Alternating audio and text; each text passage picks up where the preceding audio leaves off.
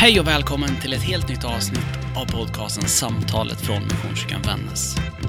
Det här är i grund och botten ett samtal mellan våra pastorer och du bjuds in att lyssna. Vill du ha kontakt med oss så hittar du alla kontaktuppgifter på vår hemsida www.missionskyrkanvannas.se eller genom att kontakta oss på de vanligaste sociala kanalerna. Välkommen hem! Ja men nu är det dags för någonting faktiskt vi inte har gjort innan. Vi, vill, vi har ju spelat in poddar av olika slag, vi har liksom fört samtal om olika grejer, men nu så skulle vi vilja ta med er på en resa som utgår, eller kanske har tagit rätt mycket inspiration utifrån en bok. Den här boken, den heter Boken för dig som en dag ska dö och är skriven av Philip de Croy och utgiven på Verbums förlag. Och det här är en bok som rör vid döden på en mängd olika sätt. Den här rör vid döden både utifrån ett rätt så filosofiskt plan. Vad är det att dö egentligen och varför har vi så svårt att prata om det här? Men den är också väldigt praktisk. Vi kommer under fyra till fem avsnitt, vi får se lite hur många vi behöver, att samtala utifrån det här tematiskt. Och idag så tänker vi att vi ska prata om vad vi tänker om döden. Eh, varför pratar vi inte om döden? Varför vill vi prata om den? Och vad tänker vi om döden som kulturellt fenomen snarare än ett naturligt fenomen? Så det pratar vi om idag. Häng med. Elin, vad, vad tänker du om döden? Vad jag tänker om döden? Mm. Mm. Alltså det, för, det första när man säger döden, det brukar ju vara att folk liksom kontra med den här Astrid Lindgren-grejen. Så här, döden, döden, döden. Så har vi pratat om det och så sen är det klart liksom. Mm. Eh, och det är kanske det jag tänker på, det första jag tänker på. Just det. Även om jag tycker att det är inte, vi kan inte stanna där liksom vid att det räcker inte att vi ska säga döden, döden, döden och så sen så ska vi ha pratat klart om det. Utan vi måste också prata om det. Ja. Det är min spontana tanke kring döden. Mm. Eh, vad tänker du om döden? Men alltså jag, jag tror jag tänker två saker Mm. eh, primärt. Det ena är att jag har mer och mer och det kanske är under i förberedelse av det här temat så men så tänker jag rätt mycket på att det, vad det faktiskt biologiskt är. Mm. Liksom ett, det är ju trots allt en slutprocess på något vis liksom när allt all förnyelse av liksom av en själv upphör liksom. Mm. Ehm, det är nog det ena jag tänker. Och det andra jag tänker, då tror jag det nog är mest bara kopplat till sorg tror jag. Mm. Att jag tänker att det är så, alltså en sorts, ehm, och det kanske inte är så fromt att tänka så, men jag tänker nog rätt mycket att, ja men, det är sorg.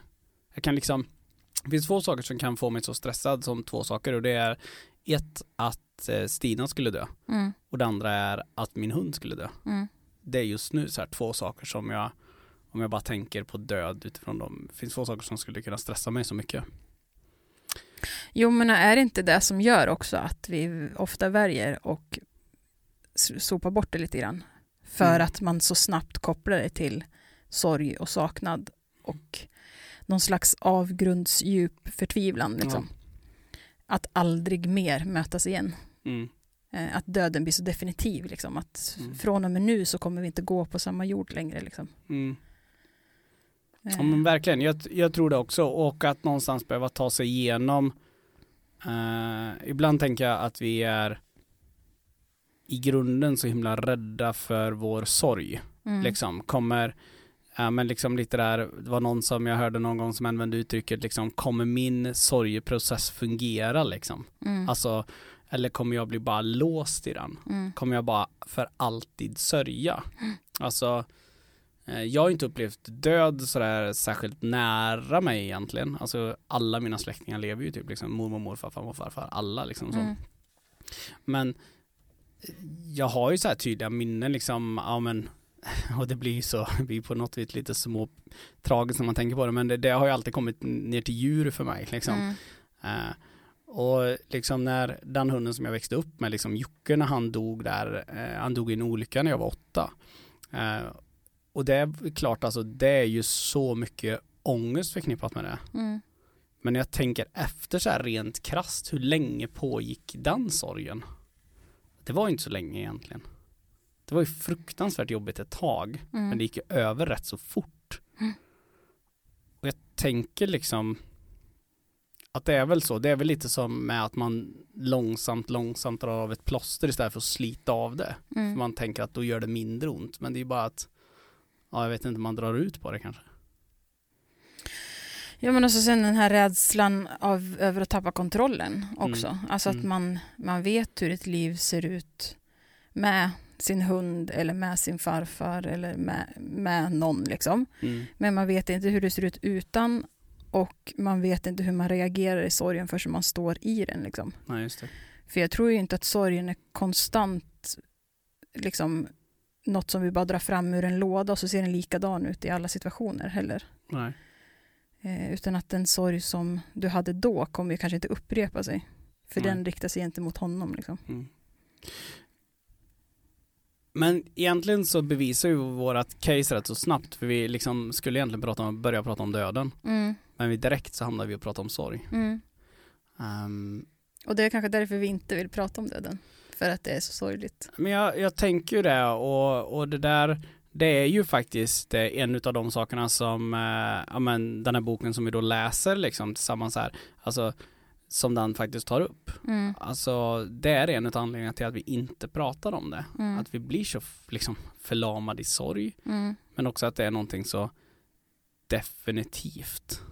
Ehm, och på något vis lite det att um, men nå- någonting som vi kommer komma fram till senare för det återkommer ju som ett tema genom boken det här med professionaliseringen liksom. mm, Att någonstans att ehm, det är som att man, jag tänker lite ibland att det är också som att död är någonting så naturligt så det ska man per definition vara bra på. mm, Alltså jag tänker liksom, ja, men det är många som, vi f- har ju många runt omkring oss som blir eh, föräldrar liksom för första gången eller Mm. man ser liksom mycket små barn och så vidare. Och där någonstans, jag upplever ibland också att de också tänker att ja, men man ska vara superpro på att föda ett barn första gången. mm, Och jag tänker att liksom, ja, men första gången, då, du, det går ju att läsa på lite vad du ska möta. Men det är också, måste ju vara en fullkomlig panik när man väl är där på ett sätt. Liksom, vad Mm. händer nu? mm, Och samma sak är liksom första gången man ska ja, men göra det ena eller det andra liksom, oavsett vad det är. Vi är ju inte bra på det från början. nej. Vi liksom, det verkar ju som att det mesta behöver ju övas på. Mm, verkligen. Men du, varför tycker du att vi ska, alltså vi ska ha ett tema, vi ska ha liksom fem veckor om döden i vår kyrka. Mm. Är inte det lite deppigt liksom? Varför ska vi ha det för? Och så att vi drar igång det i oktober. I morse när jag gick till kyrkan så, så regnade det. Det var bara jättegrått. Och... Mm. Ja, nej, det, ja, det kan ju låta lite deppigt. Verkligen. Men... Eh, alltså, jag, det enda vi vet med livet, Mm. det är ju att vi ska dö. Mm. Och det kan ju låta så himla krast och så hårt och så... Ja, jag vet inte, orättvist på något vis. Ja. Men det är ju väldigt rättvist. Mm. Och samtidigt så är det någonting som vi inte pratar om. Nej. Alltså vi håller, vi håller ju döden på sån, det är inte ens armlängds avstånd liksom. Det är ju, det är mil. Mm. Eh, vi, ja men vi, vi har ju liksom en begravningslag i Sverige att, att en människa ska vara i jorden inom en månad Mm. från döds, dödsfall. Mm. Eh, och det tummas liksom på hela tiden, det kanske inte tummas på hela tiden, men det känns som att liksom sista dagen där, Mm. det är då man hamnar i jorden. För, Yes. att, för att ingen har tid att vara ledig från sitt jobb eller sin semester för att åka på en begravning. Liksom. Mm. Mm. Att vi, vi håller döden på så långt avstånd att vi, vi vill liksom inte ens kännas vid den. Eh, att, ja men, min pappa jobbar i den här branschen så att vi prat, har ju pratat ganska mycket om det här också. Mm. Han är inte begravningsentreprenör, begrav, vad heter det, begravningsrådgivare.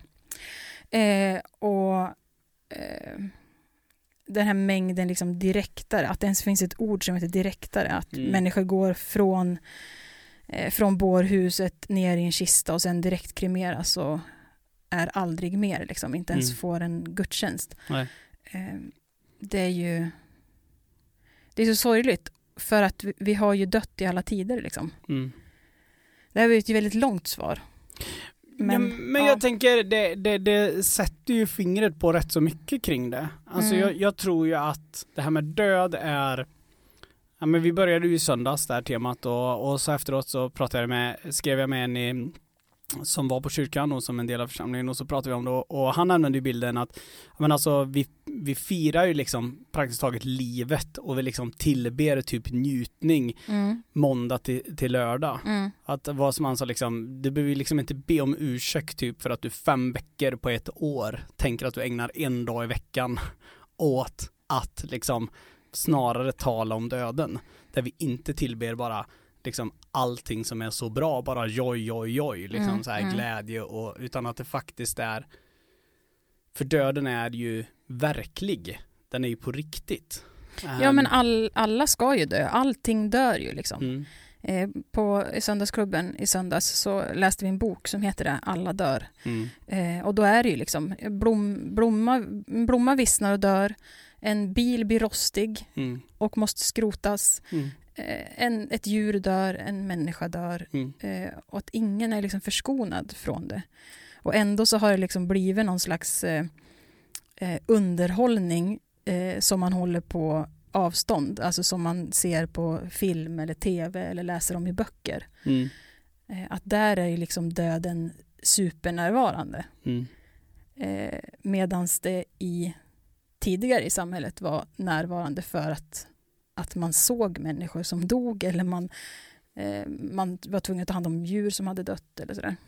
Nej men alltså i grunden så ska vi säga så här att ehm, alltså det här är ju, ligger ju nermatat rakt ner skulle jag säga i skapelsen också med död. Mm. Eh, ibland så talar vi om att det var med syndafallet döden kom in i världen och oavsett hur saken är med den eh, och hur det är med den saken så kan man väl säga att tittar vi rent vetenskapligt på det, det här med sönderfall som att du tog exempel på bilen rostar Mm. och till slut måste han Alltså nu är jag ju så dålig på de här olika termerna men det är ju någon av alla lagar, alltså fysikaliska lagar som Mhm. pekar på att allt faller ju sönder. Mm. Alltså i grunden så är det ju så att även ifall vi tänker den här stenen, den kommer vara kvar för evigt. Det kommer den inte. Mm. Ehm, allt faller sönder. Ehm, att det är liksom, ja men om vi tittar på liksom nu, ja men ett lite intressant exempel tänker jag, det är ju ehm, det har ju varit väldigt, vi har ju rätt så nyss haft en valrörelse till exempel. Mm. Och så har det varit den här diskussionen kring kärnkraft igen. Och för ungefär ett halvår sedan hade vi en jättedebatt om det här med liksom slutförvar och sådär liksom. Eh, och där pratar vi liksom om hundratusen år för att det ska sluta vara radioaktivt farligt. Mm. Men sen efter det så har du ju fortfarande då en massa mängd år som inte jag kan då. Så faller ju det sönder också så att det är helt borta. Mm. Och det Mm. där är ju intressant att tänka tanken. I slutändan av dagen försvinner allt. Ehm, och då att vi skulle liksom vara bortom det. Det är ju liksom en det är en sorts naiv tanke Mm. och samtidigt som den kanske är högst mänsklig. Mm. Att vi liksom det, det är obehagligt att tänka tanken. Att man inte alltid ska finnas kanske. Men tror du det alltid har varit så? Nej, det tror jag inte. Alltså, jag tänker att eh, det här kommer med en, men jag sa i predikan i söndags, då sa jag så här att jag hade läst en artikel för, ja men, vad i dagarna, kommer inte exakt ihåg vad, det var, om det var i filter eller något sånt här, tror jag, någon gammal, om jag googlar fram.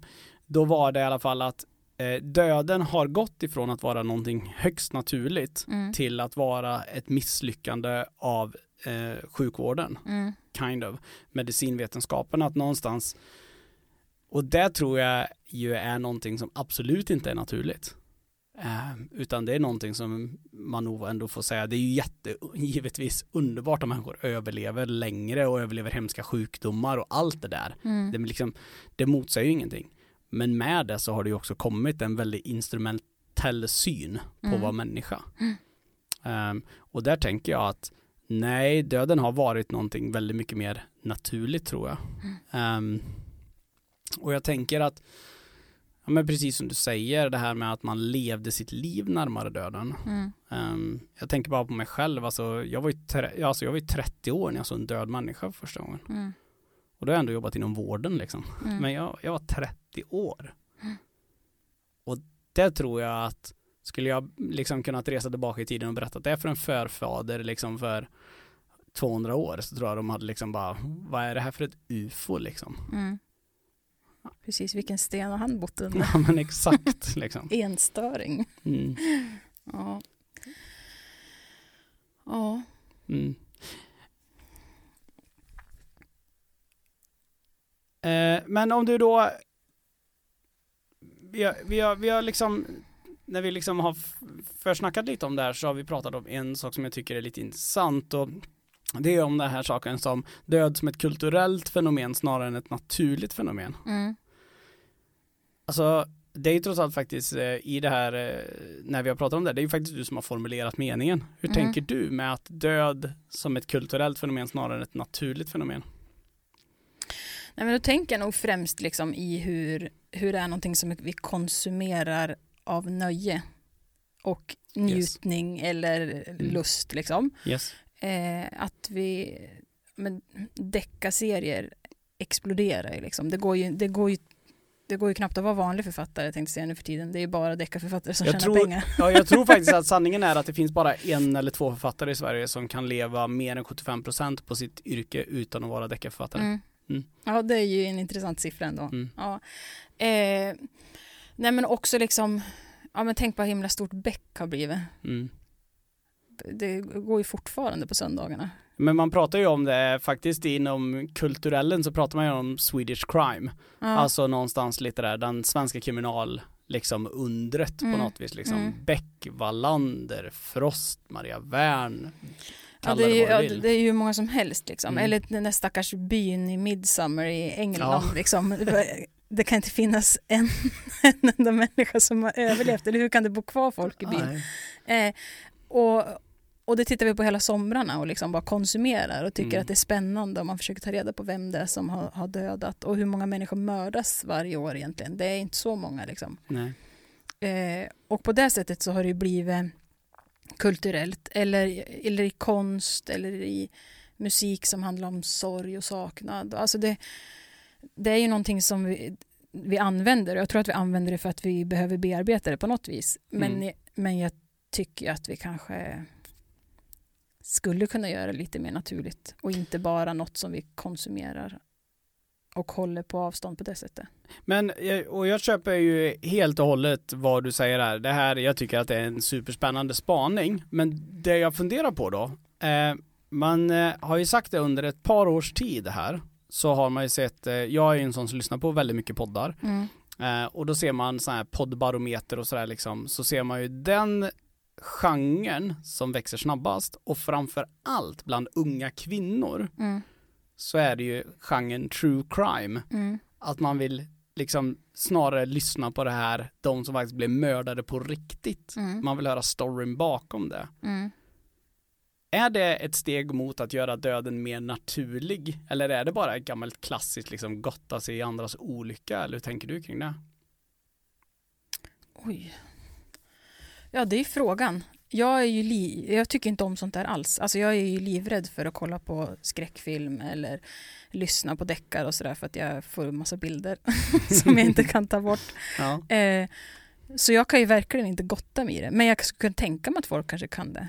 Mm. Eller alltså att, att, det, att det är liksom något spännande med en rättsläkare som berättar saker på riktigt. Liksom. Mm. Snarare än att, att om någon skulle bjuda in en i ett kylrum så skulle det vara liksom det värsta som hade hänt en. Men att få följa med en rättsläkare in i kylrummet via sina öron i en podd, Mm. det är liksom drömmen. Leif GW Persson har tagit upp typ i veckans brott eller något sånt där att eh, eh, det är typ 1,4 procent eller något i stil med det där som kommer bli utsatta för någon, någon form av grov brottslighet. Mm. eller grövre brottslighet. Vi snackar ju inte mord liksom, då skulle inte många finnas. Men, men då också, då kan ju vi liksom spinna iväg och oh, 1,4 liksom, är vi 100 pers här, då är det 1,4 personer som kommer utsättas för det. Mm. Men då sa han det, att, ja fast då är det viktigt att komma ihåg att utav de där 1,4 procenterna då, så är det typ 92 procent utav dem är själva grovt kriminella. Mm. Ibland blir det fel. I själva verket är det 2,8% av svenskarna som någonsin kommer utsättas för någon form av brott.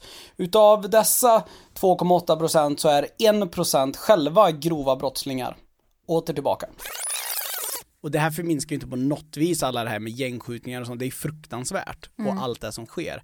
Men sanningen att säga är det är väldigt, väldigt liten sannolikhet att det är det som kommer föra oss till döden. Nej, De allra flesta av oss kommer möta döden troligen i ett sjukhusrum, i vårat hem Mm.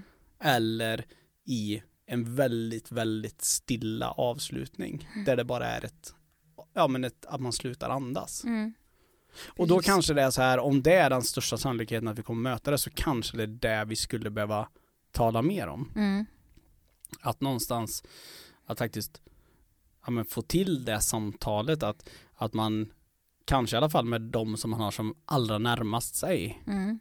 i alla fall till och med skulle kunna tala om de där grundläggande grejerna, hur vill jag ha det? Mm. Eller liksom, är jag orolig? Ja men, och allt det där. Ja, för det är ju en del i det som har blivit professionaliserat nu för tiden jämfört med hur det har varit historiskt. Mm. Eh, I att, att tidigare tog man liksom hand om sina döda själv. Mm. Eh, för att det fortfarande var ens egna liksom. Mm. Eh, nu, nu ringer man efter någon. Mm. Eh, om, man inte, alltså om man inte till och med redan har dött på sjukhus. Mm. Eh, för då är det inte ens säkert att det, att det är en anhörig som har varit i närheten när man har dött, utan att då är det också det, kanske, det, det är liksom andra personer som kanske både är den som håller handen sista stunden, är den som tvättar och lägger i kista Mm. och är den som, som liksom för till sista vilan på något vis. Mm. Nej, för det där är ju så viktigt att komma ihåg, professionaliseringen. Mm. Att professionaliseringen i vår tid har ju gått så pass långt så att, precis som det där du säger, att faktum är att och det kanske vi kan tänka låter helt orimligt för vi kanske har en helt egen erfarenhet. Men sanningen att säga, i Sverige så är det ju vanligare att en vårdpersonal håller i handen än en nära anhörig Mm. när man dör. Mm. Ehm, och det där att faktiskt, ja men jag reagerade på det i samband med eh, nu när, eh, för vi har ju varit med om kanske en av de, om man tittar då icke-fiktionsmässigt, det störst, en av de här liksom dödsfallen man kanske har väntat på, men som skapade stort eko i världen Mm. i form av Queen Elizabeth Mm. som dog här för ett par veckor sedan. Och då är plötsligt så var storyn att ehm, ja, men det var bara det var bara Charles och Anne som hade hunnit dit. Mm. Att det här stackars de andra anhörigarna, andra anhöriga som inte hade hunnit dit. Mm. Och så när jag läste om det där så satt jag och läste samma, samtidigt Philips bok här liksom. Mm. Och om det här hur många som liksom sitter och snarare håller en vårdpersonal än en anhörig i handen Mm. att då faktiskt se att undra om den journalisten som skrev den texten, undra om den i framtiden eller om det har skett redan kommer hålla sina föräldrar i handen. Mm. Alltså det här att vi, vi har ibland en sorts uppdiktad bild, så här ska det vara. Mm. Men vi tenderar att agera annorlunda tror jag. Mm. Ehm, och precis det här med direktare till exempel som du nämnde tidigare. Mm. Eh, under passutbildningen så pratade vi om det, framförallt så ser de ju en väldigt ökad grej utav det i storstäderna. Mm. Att liksom, det var någon sån här kyrkogårdsvaktmästaren på Skogskyrkogården sa det, att då, utav de som kommer dit, så han så var det något så här typ 10 eller 10-12 procent eller något sån här, hade aldrig någon begravning. Ja. Utan det är bara direkt ner i backen. Mm. Ja, och forskning visar ju att för att vi ska kunna sörja ordentligt så behöver vi gå igenom vissa faser och vissa ritualer också säkert Mm. i det. Liksom. Att ritualerna hjälper oss i att gå igenom sorgefasen. Eh, så att vi kan ju inte skjuta ifrån oss döden heller. För att jag tror att då kommer den liksom och biter oss i svansen på något vis. Om vi inte faktiskt låter, låter det hända. Jag delar det 100%. Mm. Alltså jag tror att det är ehm, ehm, att det är så viktigt att sitta ner vid det som är döden. Mm. Eh, att stanna upp vid den och att låta tiden stanna en stund där. Mm. Ehm, alltså någonstans lite det här och det går väl också i hand med ett allt proffsigare samhälle där man också tänker att jag är oumbärlig där jag är. Mm. Men jag tänker ju det att de allra flesta av oss det, det, det, ska vi också komma ihåg, den stora, stora massan av oss har ju inte ett jobb där vi är totalt oersättliga. Nej. De allra flesta av oss har ett jobb där om liksom våra kollegor skulle veta verkligheten så skulle all, de allra flestas kollegor täcka upp. Precis. Att liksom, nu ligger den här människans mamma eller pappa eller vad det nu än är inför döden. Mm. De allra flesta skulle täcka upp. Mm. De allra flesta skulle tycka det är självklart att du ska vara där om du vill det. Precis. Um, och där någonstans att, men jag tror att vi ibland skapar oss bilden att nej men jag kan inte vara borta. För då är jag en belastning mot mina arbetskamrater liksom. Mm. Men det här har ju förändrats över tid. Det här har ju sett olika ut Mm. i historien. Och precis som du sa innan, eh, och där tänker jag är intressant och utan att man ska överhuvudtaget lägga en värdering i att ehm, att det är så att man ehm, vissa religioner skulle vara mer gammeldags eller så vidare, men vissa har ju mer traditionella värden. Mm. Och där ska vi ju säga det att liksom för de andra abrahamitiska religionerna då, så där både judendom och islam, Mm. så är det ju totalt otänkbart att lämna bort en del av uppgifterna. Liksom Ja, och på det att vänta så länge. Och att vänta så länge, Ja, ja, mm. precis. Det är väl så, man pratar väl, är det tre dygn va, inom Mm. judendomen tror jag. Mm, jag tror att det är det. Och det är väl samma sak inom islam typ. Mm. Och där någonstans så ska vi säga det då, i Sverige har ju det här förändrats. Eh, Mm. Där det har gått från två månader till en månad. Mm. Och jag hörde inte det så mycket här i Vännäs men jag hör det på kollegor ute i landet som andra har, sä- säger liksom att ah, men det är så himla stökigt att de måste begravas inom en månad. Mm. Och jag, någonstans så är det ju så att ja det kan man ju verkligen fråga sig. Alltså Mm. är det omöjligt att stänga av allt och komma undan inom en månad? Ja, Mm. det kan man ju verkligen undra. Jo, men om man, tänk, man tänker bara hur det gick till förut, liksom, när, när den döda kanske till och med fick ligga kvar i hemmet några dagar. Mm. Eh, man, liksom, man öppnade bara ett fönster och så sen Mm. kunde folk komma ifrån byn och säga hej då. Mm. Eh, och sen så körde man liksom i hästkortege till kyrkan och hade begravning och så därifrån till kyrkogården liksom. Och, eh, och alla slöt upp. Mm. Eh, och sorgehuset behövde kanske inte ens tänka på mat i flera veckor för att, för att folk täckte upp liksom Mm. i närheten Mm. eh, och var närvarande. Mm. Eh, och nu har vi liksom snabbare tåg än vad vi någonsin har haft. Och ändå så kan folk inte på en månad ta sig från punkt A till punkt B. Liksom. Mm.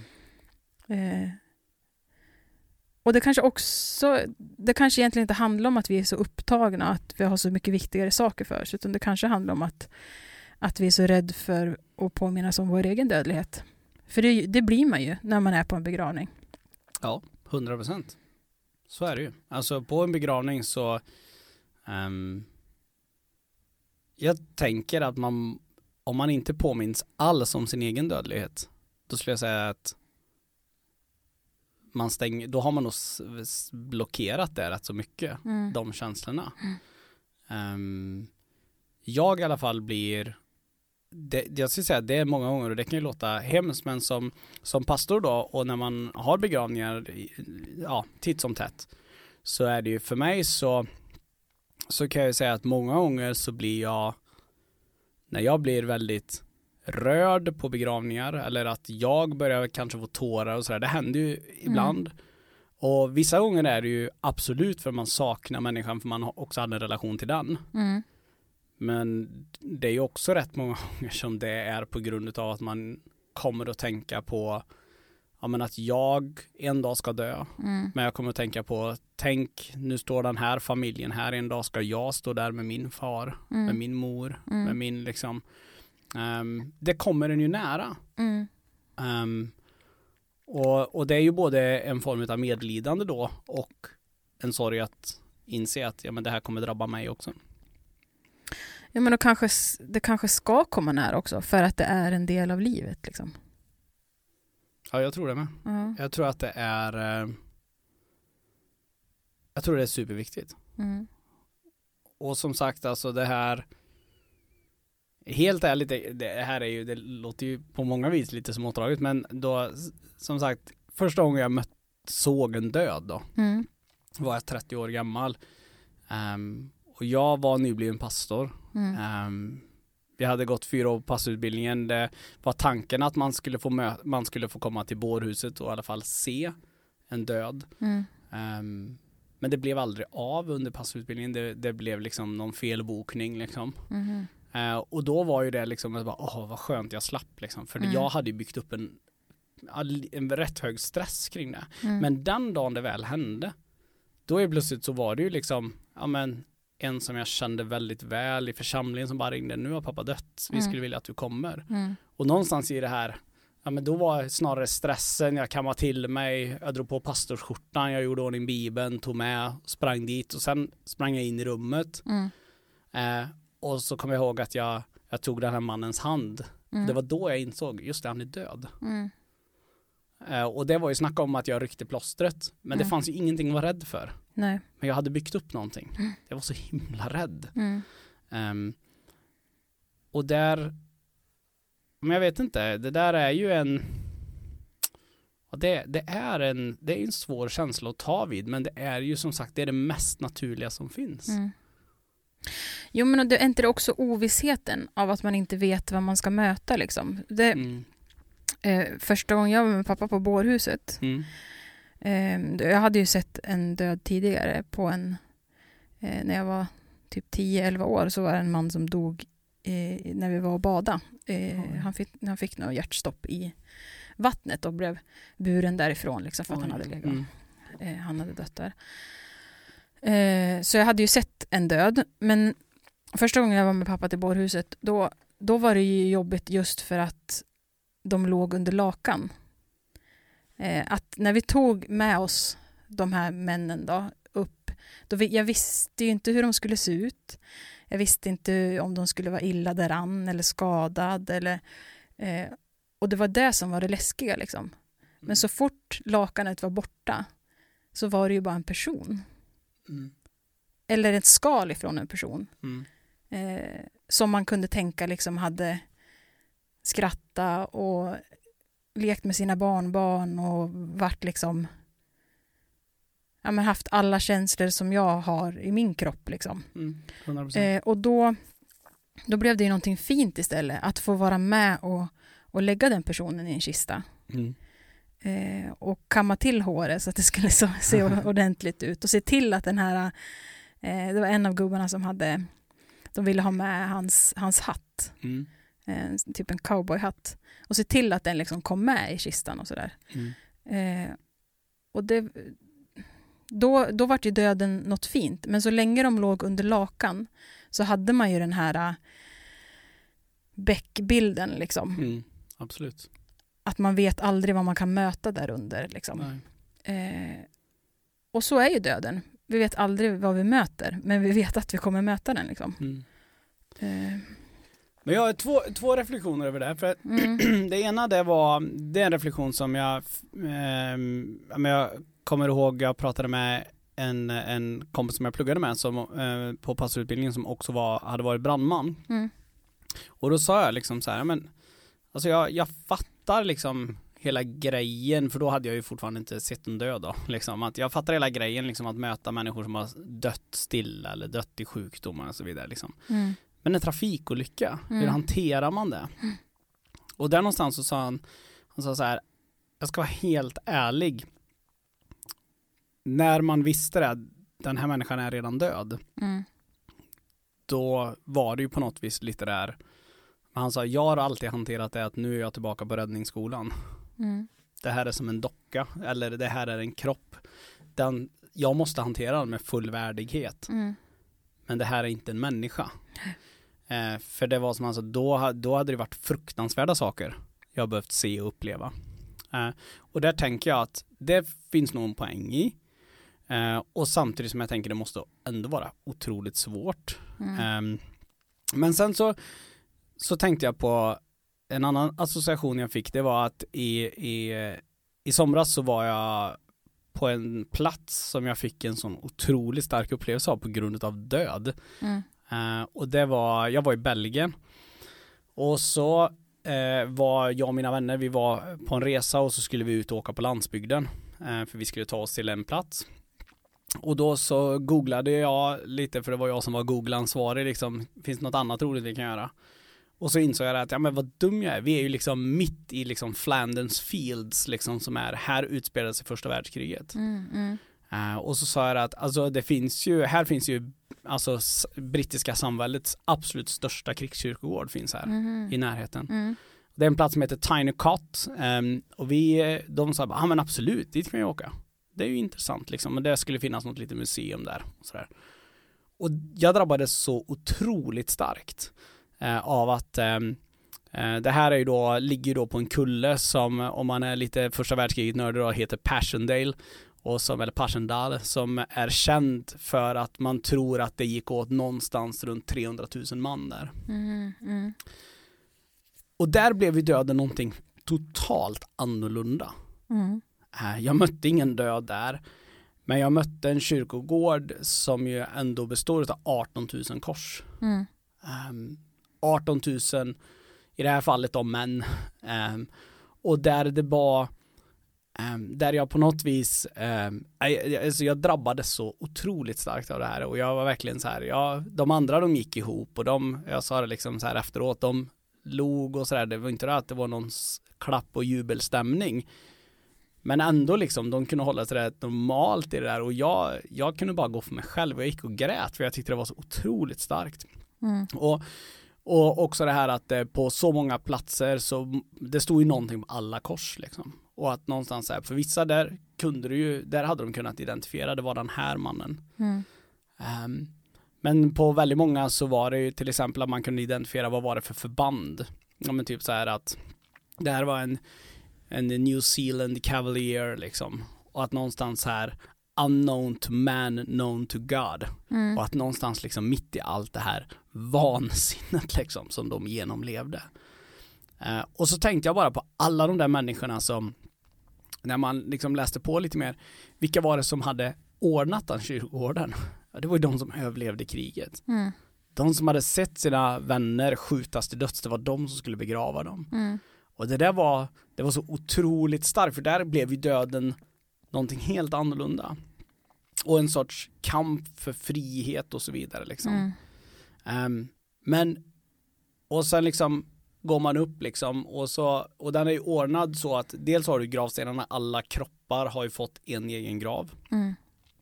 Ehm, och sen har de då en hel stor vägg som är liksom alla som är stupade eller försvunna som man inte har hittat. Mm. Och då man konstaterar liksom att man har lyckats begrava typ en tiondel. Mm. De andra är bara borta. Man vet inte vad de är. Nej. Ehm, men det kanske starkaste av allt när man helt plötsligt inser att det här var ju då britten, det brittiska samhället så det var liksom Nya Zeeland, australiensare, liksom kanadensare, eh, britter och så vidare. Och sen så bara helt plötsligt mitt på den där kyrkogården så finns det fyra stycken gravar som ligger i en helt annan riktning. Alla andra är ordnade i samma riktning. Mm. Men då är det ja, men, tre, fyra gravar som är i en helt annan riktning. Och då var det, det var tyskar som man hade hittat på platsen. Mm. Det var ju fienden. Mm. Men någonstans, kanske på några av de finaste platserna, Mm. så har ändå britterna valt att de här måste också få en begravningsplats. Mm. De ligger inte i samma mönster. Men att någonstans se att inför döden, där finns respekten Mm. ändå liksom. Mm. Och den där upplevelsen blev för mig någonting otroligt starkt efterhand.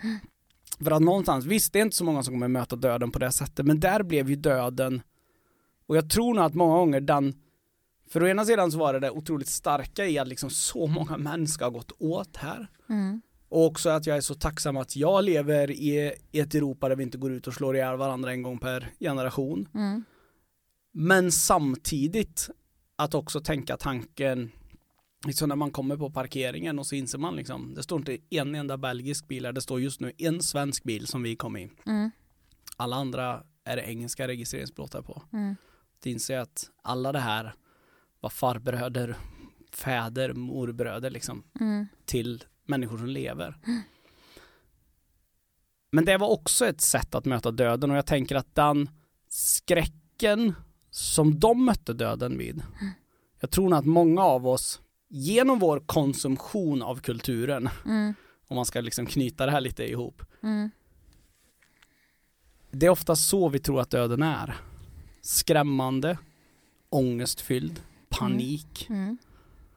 Ehm, och snarare som sagt, för att det vi sa innan liksom, döden är i 99 fall av 100 något helt annat. Ehm, den är inte fylld utav av det där liksom. Den är inte fylld av skyttegravar primärt. Det där att gå på kyrkogårdar liksom. Mm. Det är ju verkligen ett sätt att, att eh, påminna sig. Alltså, Tänk jag, på döden. ja, precis. Mm. Det är ju en sån här klassisk grej som stod på många kyrkogårdar förr och det finns ju Mm. en kyrkogård i Göteborg som är känd för det. Som har, de har ju kvar den stora Mm. skylten Memento Mori, tänk på döden. Mm. Ehm, Varför tror du att man ska tänka på döden då? Eller varför tycker du att man ska tänka på döden? jag tycker man ska tänka på döden för att det faktiskt är någonting som angår oss alla. Mm. Men jag tror också att ehm, för mig då som också då rent ideologiskt har en sån otroligt stark känsla över att eh, vi alla människor i grunden är lika. Mm. Ehm, där blir ju döden någonting extremt rättvist. Mm. Att någonstans ehm, en dag är vi där och då spelar det ingen roll hur mycket pengar du har. Nej. Eh, och det är någonstans skulle jag säga, det är nog min värsta skräck liksom, att vi skulle komma till ett, till ett liksom, samhälle där vissa kan köpa sig bort från döden. Mm. Vilket vi ju rent på ett filosofiskt plan skulle kunna prata om att vi faktiskt nästan är där. Mm. Men att faktiskt se att i grunden så är det så här att ja men alltså döden finns det en extrem rättvisa i. Mm. Eh, och inför den så är vi, blir vi alla bara små barn. Det är som, som Daniel Adams-Ray sjunger, att ingen överlever livet. Mm. Eh, gråt inte mer. Mm. Eh, men och det gör vi ju inte. Det är ingen som överlever livet. Och med den insikten Mm. så tänker jag i alla fall, eller jag hoppas att jag på något vis tar vara på livet på ett bättre sätt Mm. än om jag inte skulle vara medveten om det. Mm. Jag håller med dig. Eh, Jag, jag, eh, jag är ju en sån människa som har jag lite tid över så jag går gärna en sväng på en kyrkogård. Mm. Jag älskar också kyrkogårdar. Mm. Och Det är jag, något fridfullt där. Ja, i grunden så är jag ju tacksam att titelsamhället är borta. Mm. Men på, när jag går på kyrkogårdar så är det en sorg för mig Mm. att titelsamhället är borta. Mm. För jag tycker det är så vackert att veta, någonstans det säger så mycket, stationsmästare, snickare, Mm. hemmansägare. Ja. Ehm, och kyrkogårdar är en fantastisk plats och jag, eh, jag tänker att ehm, det berättar så, det berättar väldigt mycket om människor. Mm. Ehm, och bara så här, det behöver inte vara någon jag känner, det behöver inte vara någon jag känner till, men bara det här att stå framför en Anders Anderssons grav, liksom, och han var född 1872 och dog 1948. Mm. Att se liksom, bara tänka tillbaka, vad, vad har han genomlevt? Mm. Vad har han sett? Var, var han, att bara tänka tanken, var han orolig för samhällsutvecklingen? Mm. Hur såg han på, ja men liksom, att världen höll på att liksom moderniseras i snabb takt? Ehm, och där någonstans att jag tänker att ehm, och kanske också när vi pratar om den generationen, vad var det som gjorde att han stannade kvar och inte åkte till USA? Mm. Det är ändå en ansenlig del av Sveriges befolkning faktiskt åkte. Mm. Men han blev kvar. Varför blev han det? Alltså, jag har ju någon gång sagt eh, att, eh, eller många gånger har jag sagt att varje, jag anser att varje människoliv förtjänar en långfilm egentligen. Mm. Och jag, jag, ju mer jag lever, desto mer tänker jag det. Mm. Och ju mer jag möter att jag inser att, och även när man går på en kyrkogård, även ifall de där inte kan tala för sig själv längre. Alla de där förtjänar en långfilm. Mm. Alla de där har berättelser om sorger, om, om glädje, om fnitt, myter om den första förälskelsen. Mm. Om tjuvrökning, om liksom om andliga upplevelser, om liksom sorger, om smärta liksom. Alla har berättelser. Mm. Um, och det det är både något fridfullt och något otroligt starkt med det. Mm. Jag tänker också att kyrkogården är också hur hur sjukt den motsatsen på många vis än är Mm. så är ju kyrkogården eller begravningsplatsen en berättelse om människan som en överlevande varelse. Mm. För vi har anpassat oss. Jag tror min syrra sa någonting om hon hade läst eller lyssnat kring, eh, något, så- alltså kring häxprocesserna. Att det fanns ju kvinnor som erkände häxeri. Mm. Eh, för att om man hade erkänt då blev man begravd på kyrkogården. Ja, det. Att det var så viktigt liksom att faktiskt eh, få bli begravd i vigd jord. Ja. Eh, att man, ja men det, det är ju också ett, ett liksom medvetenhet om, om hur viktig döden är i det. Eh, att hamna på rätt ställe liksom. Att man, att, man är så, att man erkänner ett brott man inte har begått. Eh, Nej men jag tänker det, det var ju, nu var det ju rätt länge sedan, det var ju liksom tidigt 1900-tal när vi avskaffade dödsstraffet i fredstid och det var ju liksom, jag tror det är 60-tal vi avskaffade det i, i krigstid i Sverige. mhm. Men där är, finns det ju en viktig princip som fortfarande existerar i, i alla fall, ja det landet jag kan mest om med dödsstraff är ju USA. mm, Där det fortfarande, och det är ju ett par saker som man håller som extremt viktigt. Visst, vi som stat kan ta död på de här. mm, Men ett, du har alltid, det är alltid det, du blir inte tillfrågad om du vill att en präst ska komma innan precis före. Det kommer en präst, mhm, det är det ena. mm, Det andra är, du har rätt att få en önskemåltid, vad Mm. du vill äta. mm, Och det tredje, det är att före straffet avläggs så att säga, före man avrättar personen, så ställer man alltid frågan, har du något du vill säga? mm, Och det där tycker jag är fascinerande. Att vi faktiskt ändå, de länderna som har praktiserat det här och som praktiserar det, ändå hur viktigt man förhåller sig till döden. mm, Oavsett hur hemskt straff, oavsett hur hemskt en människa har varit. Man tar ändå allvar på döden. mm, Att någonstans, du ska i alla fall få säga någonting. Är det något du vill ha sagt? Det sista. Ehm, alltså, eh, vet du vad, jag vet faktiskt vad den, eller jag vill minnas att, det är så här. Mhm. Jag kanske har fel nu, men vet du vad den sista mannen, människan då, som avrättades i Sverige, vet du vad han hade som sista ord? Nej, men jag har läst i en bok om eh, han som var den sista skarprättaren i Sverige. Ja, Mm. Men jag, jag kommer inte ihåg vad... nej men den sista, han hette ju typ Anders Ander eller något sånt där. Mm, Eh, och jag vet att han ut, hade utfört ett rånmord. mm, eh, och blev avrättad för det. Eh, och eh, det, jag vill minnas att det beskrivs som att den här prästen som närvarade då sa att hans sista ord, att hur vi än eh, försökte få honom att säga någonting så stod han bara tyst och teg. Mm, Han vägrade säga någonting. mm, Det är också intressant att inför, det är också intressant att tänka vad snurrade genom hans huvud där. Liksom. mm. Mm. Du, ehm, nästa vecka ska vi prata om någonting helt annat. Nästa vecka så fortsätter vi ju läsningen i boken och här så kan man säga, vi har ju ägnat oss egentligen i läsningen här åt de första egentligen, 20 sidor ungefär. ja, Mm. ungefär.